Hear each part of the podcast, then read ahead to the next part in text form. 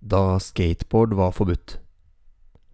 Tenk deg at sporten du elsker, plutselig blir forbudt. Det du har gjort hver dag, får du plutselig ikke lov å gjøre lenger. Og det er ikke mamma eller pappa som stopper deg, det er de som styrer landet vårt. Selv om det kan være vanskelig å tro, var det fra 1977 til 1989 forbudt å kjøre skateboard i Norge.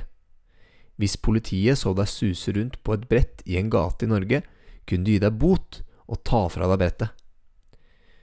Tommy Langseth forsker på brettsport og kan fortelle oss litt om skatehistorien.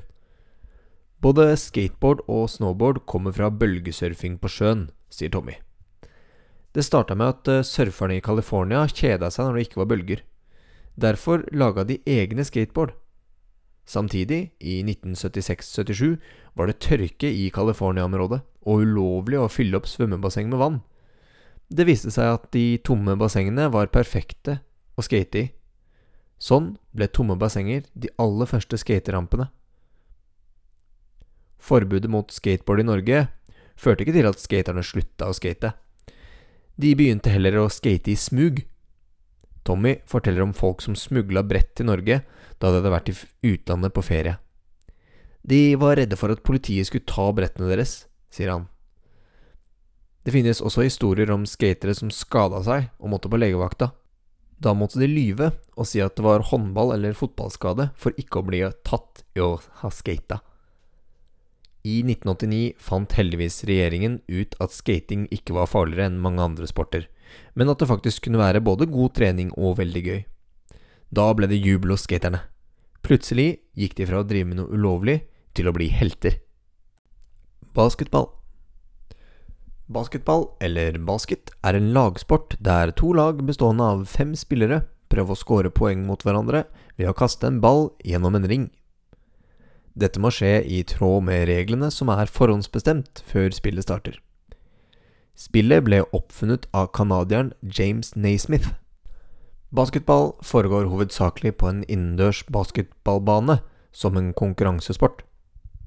Sporten regnes som en sommersport og er en del av sommer-OL til tross for at sesongen vanligvis foregår om vinteren i de fleste land. Basketball er også en populær utendørssport om sommeren. Det er blant de mest populære idrettene i verden.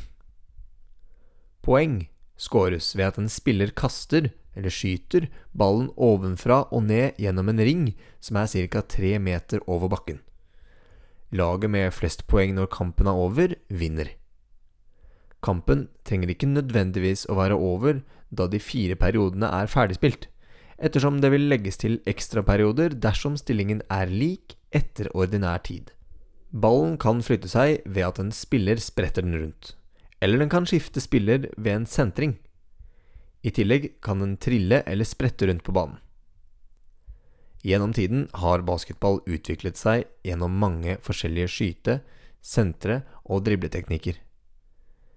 Det samme gjelder også for posisjoner og taktikker. Selv om reglene i organisert basketball er nøye kontrollert, finnes det forskjellige regler rundt om i verden. Blant annet har både college basketball og FIBA andre regler enn det amerikanske NBA-ligaen. Michael Jordan er en amerikansk tidligere basketballspiller med posisjonen shooting guard for Chicago Bulls og Washington Wizards. Jordan var en av verdens best betalte idrettsutøvere i 1990-årene og er ansett som en av verdens fremste basketballspiller gjennom tidene. Jordan vant NBA-tittelen seks ganger og ble kåret til NBA Most Valuable Player fem ganger, og er innlemmet i James Naismith Basketball Hall of Fame. Rent vann gir ren energi. Det er mange vannkraftverk i Norge i dag. Noen av vannkraftverkene er store. Et sånt eh, kraftverk ligger i Alta i Finnmark. Andre kraftverk er små. Noen gårdsbruk har sine egne mikrokraftverk, men ingen av disse kraftverkene driver møller eller sager. De veksler energien fra vannet til elektrisk energi. Vannet treffer skovlene i et moderne supervannhjul. Det kalles ikke vannhjul, men en turbin. I turbiner går mindre energi tapt enn i et vannhjul. moderne turbiner er lagd av rustfritt stål. Vannet treffer turbinen med større fart enn vannhjulet, og turbinen går mye fortere rundt og kan lages mindre enn vannhjulet. Turbinen er mer effektiv. Akselen til turbinen driver en generator eller et aggregat. Generatoren omdanner bevegelsesenergien i den roterende akselen til elektrisk energi.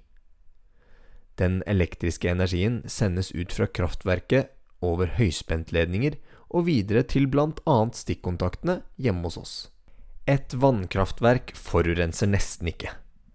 Det eneste som kommer ut av vannkraftverket, er vann og elektrisk energi. Vannkraft kan likevel ødelegge miljøet.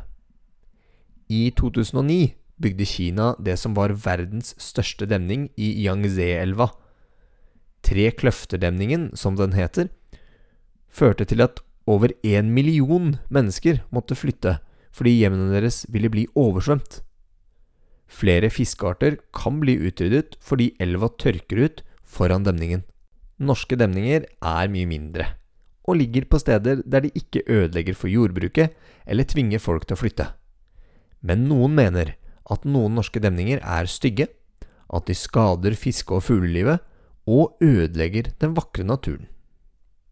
Falske venner. Det fins noen ord på dansk, svensk og norsk som vi kaller falske venner.